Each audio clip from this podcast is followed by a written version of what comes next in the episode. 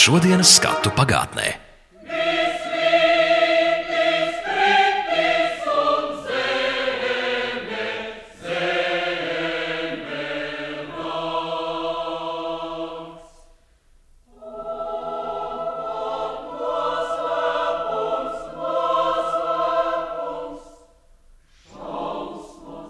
Pirms 80 gadiem vasarā Latvijā ir ieviesta padomju vara, un uz vispārējā haosa un traģikas fona valstī dzimst jauna muzikāla apvienība ar kvalitātes zīmi no paša sākuma līdz šai dienai.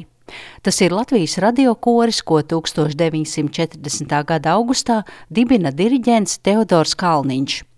Par šī kora attīstību un tā skanējumu laiku lokos stāstīs bijušais kora mākslinieckais vadītājs Edgars Račevskis, tagadējais kora mākslinieckais vadītājs Sigvards Kļava un viena no pirmajām Teodora Kalniņa dibinātā radiofona kora dalībniecēm Elza Margarita Tone.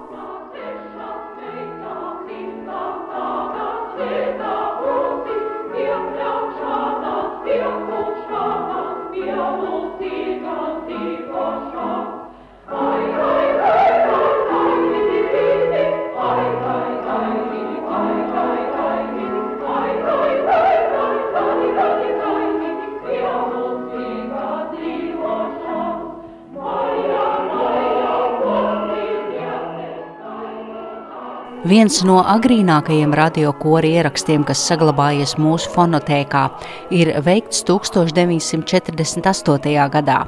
Tās ir latviešu tautas dziesmas ar Marģera Zariņa komponētu mūziku.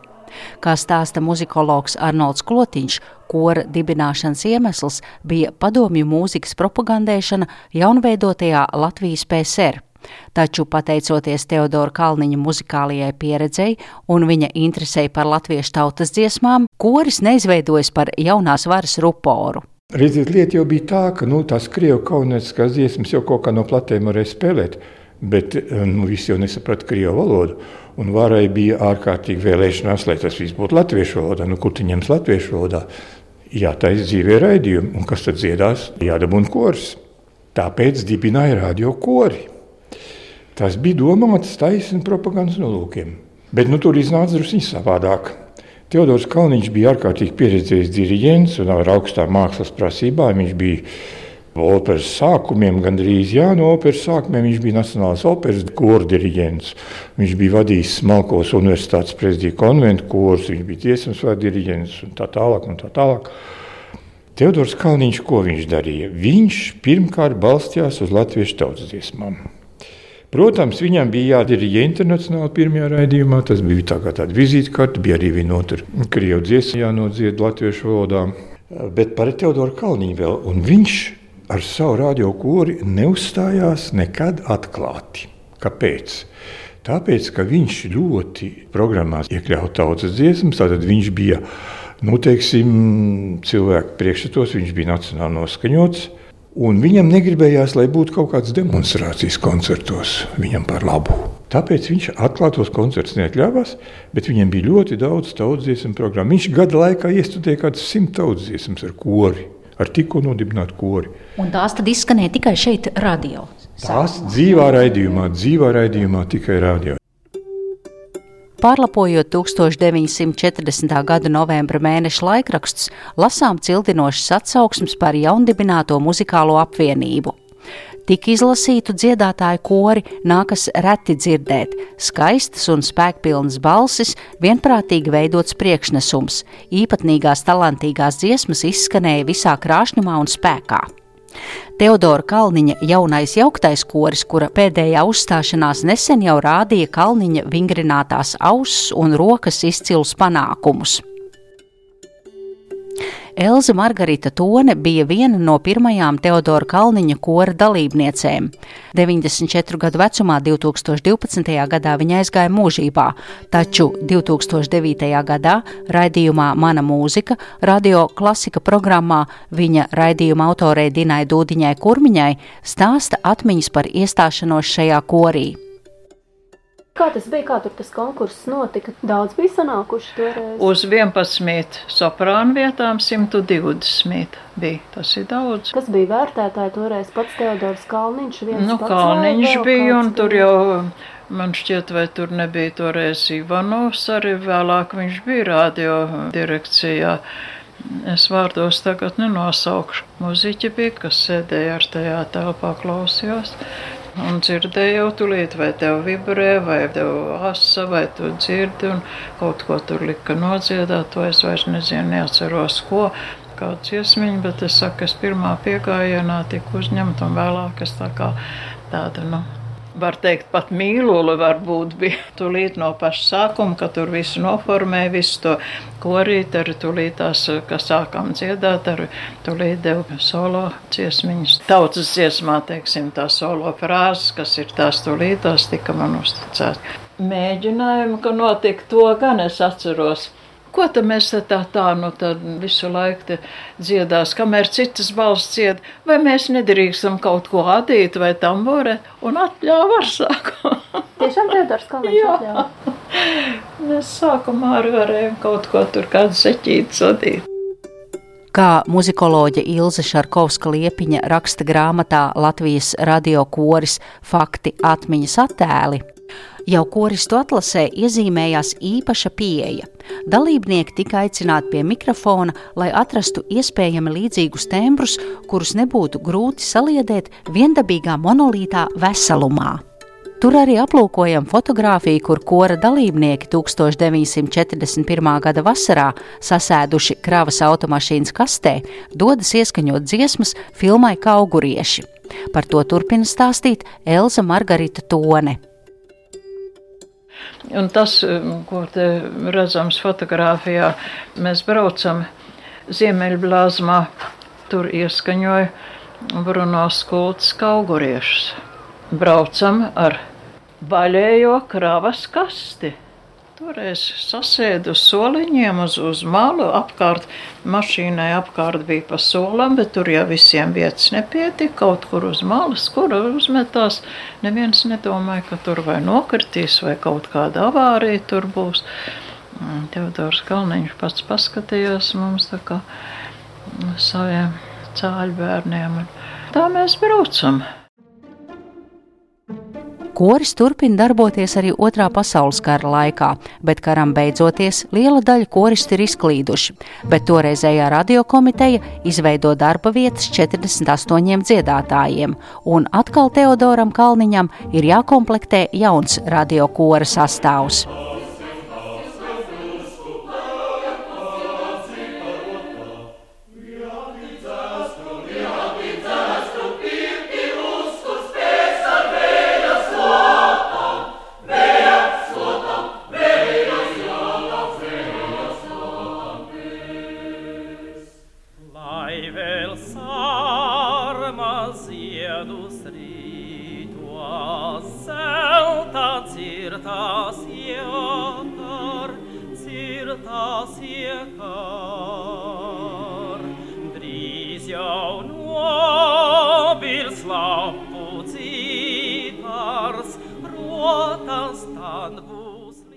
Kā raksta mūzikas žurnālists Latvijas Radio 3 klasika programmu vadītājs Orests Silabriedis, 1953. gadā no Maskavas pienāk aicinājums likvidēt Baltijas Republiku radiokorus. Latvijas amatpersonas tūlīt piekritušas, jo radiokoris taču dziedot tikai tautas dziesmas un rekviēmus, tad jau labāk aktivizēt masu dziesmas izplatību. Toreizējais radiokomitejas vadītājs Indričs Lēmans pieņem lēmumu likvidēt kori. Paiet četri gadi, ir iestājies Hruščova atpūsnis, un atkal uzvirmo runas par radiokora atzimšanu. Un atkal Teodors Kalniņš sāk vētīt topošo koristu balsis un uzņemas kora veidošanu ar noteikumu, ka pirmajā darbības gadā koris dziedās tikai latviešu tautas dziesmas un latviešu komponistu mūziku.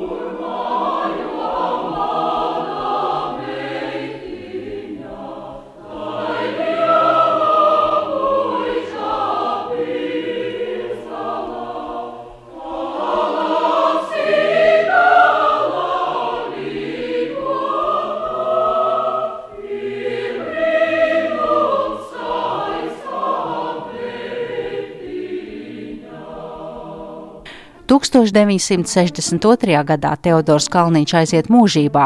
Aptuveni gadu korim ir vairāki īslaicīgi vadītāji, līdz 1963. gada augustā par tā galveno diriģentu un māksliniecisko vadītāju kļūst Edgars Račevskis. Tā es aizgāju un sāku mēģināt ieskandināt radiokoru. Nu, tā jau pēc divām, trim dienām man bija pirmais raidījums. Jau. Tolaik jau bija dzīvē raidījumi. Visu. Atnāca laumā matniece no diktoriem. Ienāca studijā, apsēdās pie savu mikrofonu. Man lielie mikrofoni, studijas mikrofoni un kurs uz podestiem. Un viņi piesaka programmu, ko mēs dziedam, izslēdz savu mikrofonu, un tad ieslēdzas manējie mikrofoni. Un es laižu vaļā to programmu. tā, tā tas notika ilgus gadus. Ja. Pirmos gadus, kādus astoņus apmēram vai deviņus, bija ļoti daudz bija šie dzīvē raidījumi. Korim bija jābūt tādā kvalitātē, lai varēja dziedāt dzīvajā raidījumā. Uz to man bija jāsagatavo viņi, un tā nu, man izdevās arī tas to izdarīt. Ja. Nu, tad pēc tam jau pārgāju vairāk uz ierakstiem, un tad mums tie ieraksti bija tik daudz, kad es varēju to laiku grūtajos apstākļos, kā mēdz teikt, ar mazām algām es varēju saviem dziedātājiem izkārtot sestdienas brīvas. Mēs ierakstījām piecās dienās, iztaisījām savu nedēļas normu, un piekdienas raidījumā izskanēja mūsu pēdējie ieraksti no rīta ierakstam, vakarā noraida, vai ne, un tā. Nu, un sestdiena es ņēmu uz saviem pleciem atbildību par to, ka es neatkarība to, ka likums padomu savienībā visiem radošiem kolektīviem bija sešu dienu darba nedēļa, es strādāju piecas dienas nedēļā.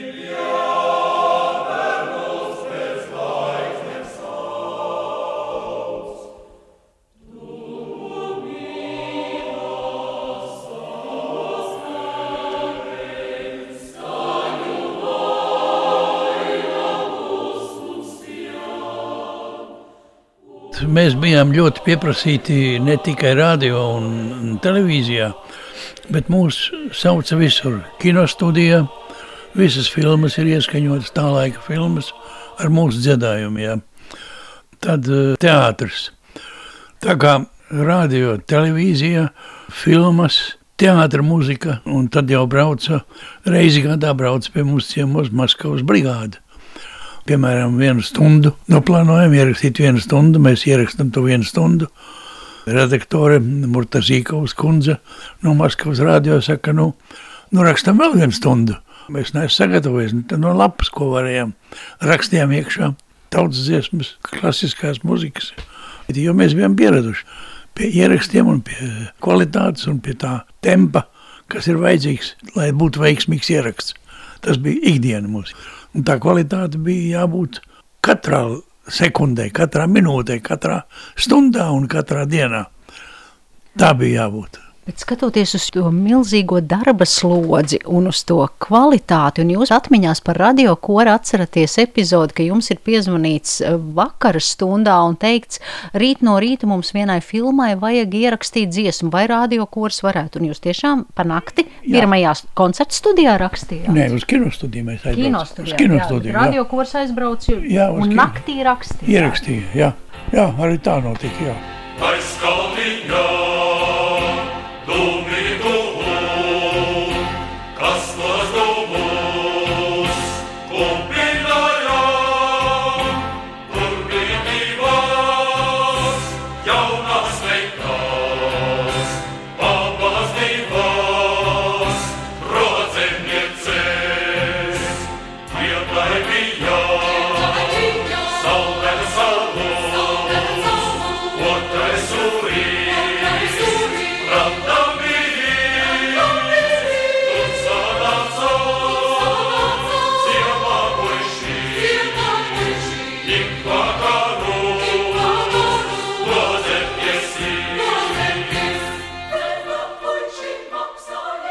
Kora reorganizēšana notiek pamazām un neuzkrītoši.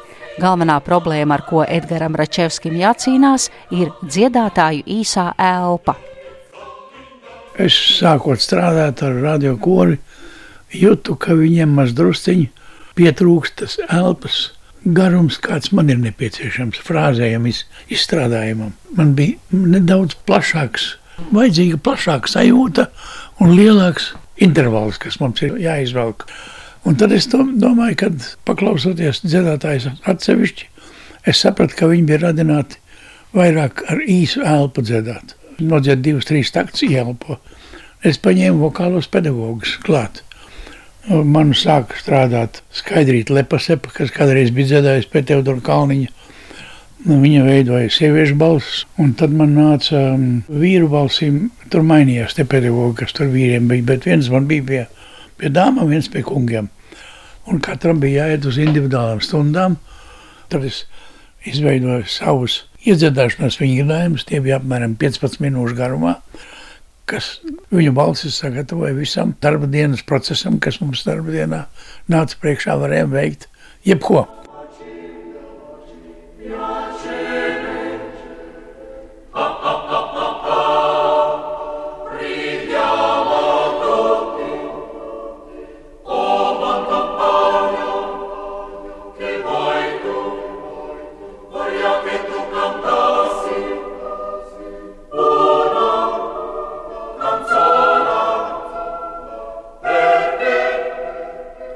Šim kolektīvam jau bija ielikta iekšā milzīga jaunradas kapacitāte, un tādā ritmā mēs sākām meklēt jaunus ceļus. Tā saka tagadējais radiokora mākslinieckais vadītājs Sigvards Kļava, kurš kopā ar diriģentu Kasparu Putniņu kori vada kopš 1992. gada. Mēģinājām uztaustīt taisni to brīdi un to laiku, kas ir novecojis, kas ir moderns, kas ir laikmetīgs, kādas ir vadošās tendences. Un, un to latiņu mēs noteikti veidojām kopā ar dziedātāju, kopā ar komponistu un kopā ar klausītāju. Es nevelti to gribu akcentēt tādu lietu, ka, ka tas, ka šodien ir tādas raudzes muzikanti un arī tik izcila kompozīcijas skola un pasaulē labākais klausītājs. Tā ir šī trejādība vai tā šī trīsvienība, kur man liekas viena otru ļoti baro un palīdz kalpot viens otram, mēs nevaram viens bez otru iztikt. Tāpēc tā svarīgākā lieta bija uztaustīt to ceļu, kādu mums iet.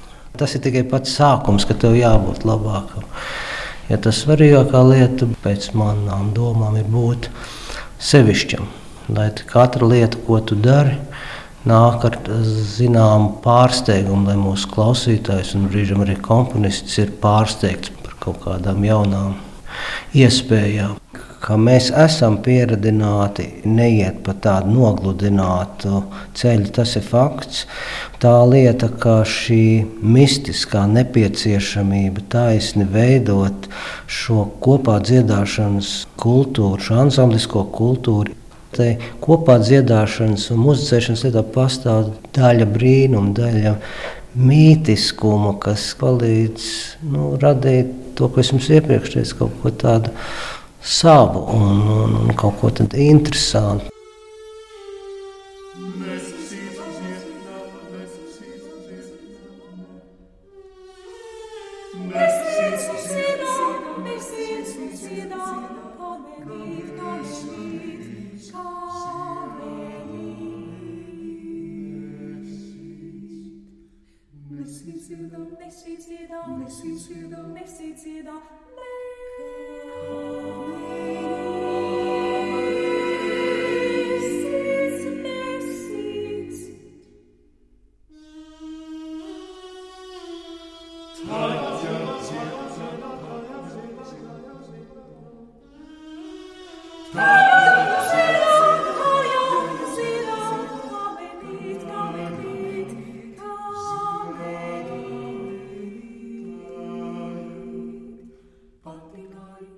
Pamazām nostiprinās viedoklis, ka koris ir nevis četras vairāk vai mazāk saskanīgas balsu grupas, bet gan personību kopums.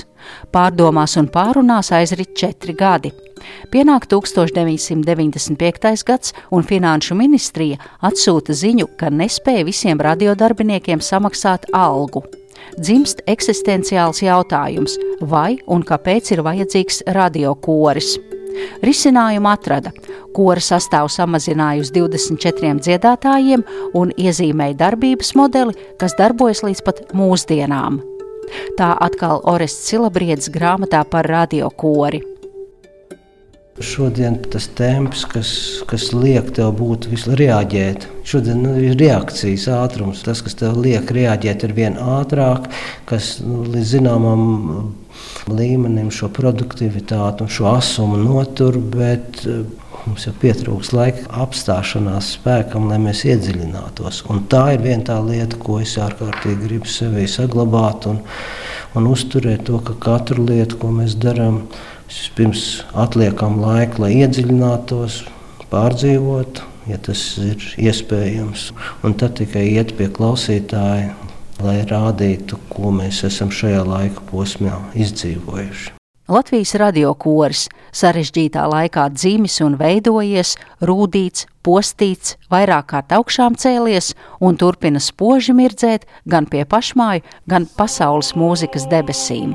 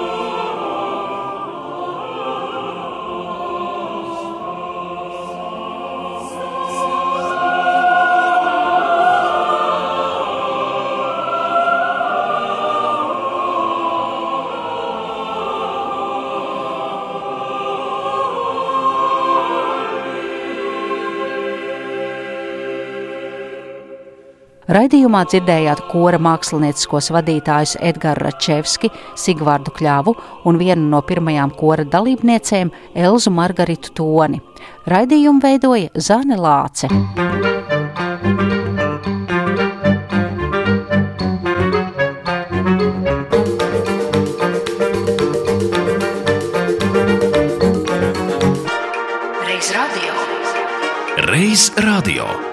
šodienas skatu pagātnē.